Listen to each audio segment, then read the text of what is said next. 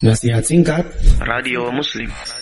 Assalamualaikum Ustaz. Waalaikumsalam warahmatullahi Ana mau tanya, saat puasa Ana pernah ngeluh lapar dan haus, tapi tidak ada niat untuk makan dan minum. Apakah hal itu bisa membatalkan puasa?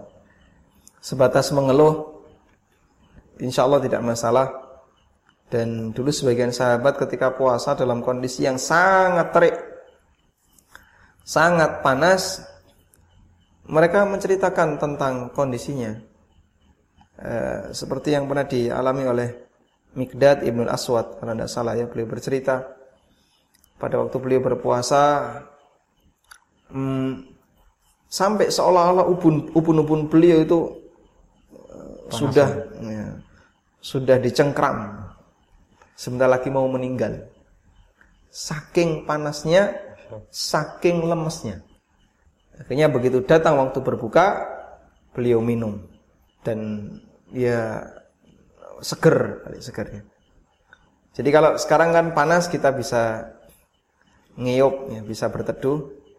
Ini mungkin dalam satu kondisi beliau tidak bisa berteduh dalam keadaan sangat kepanasan sehingga beliau mengalami dehidrasi yang sangat parah. Nah, terus beliau menceritakan keadaan itu.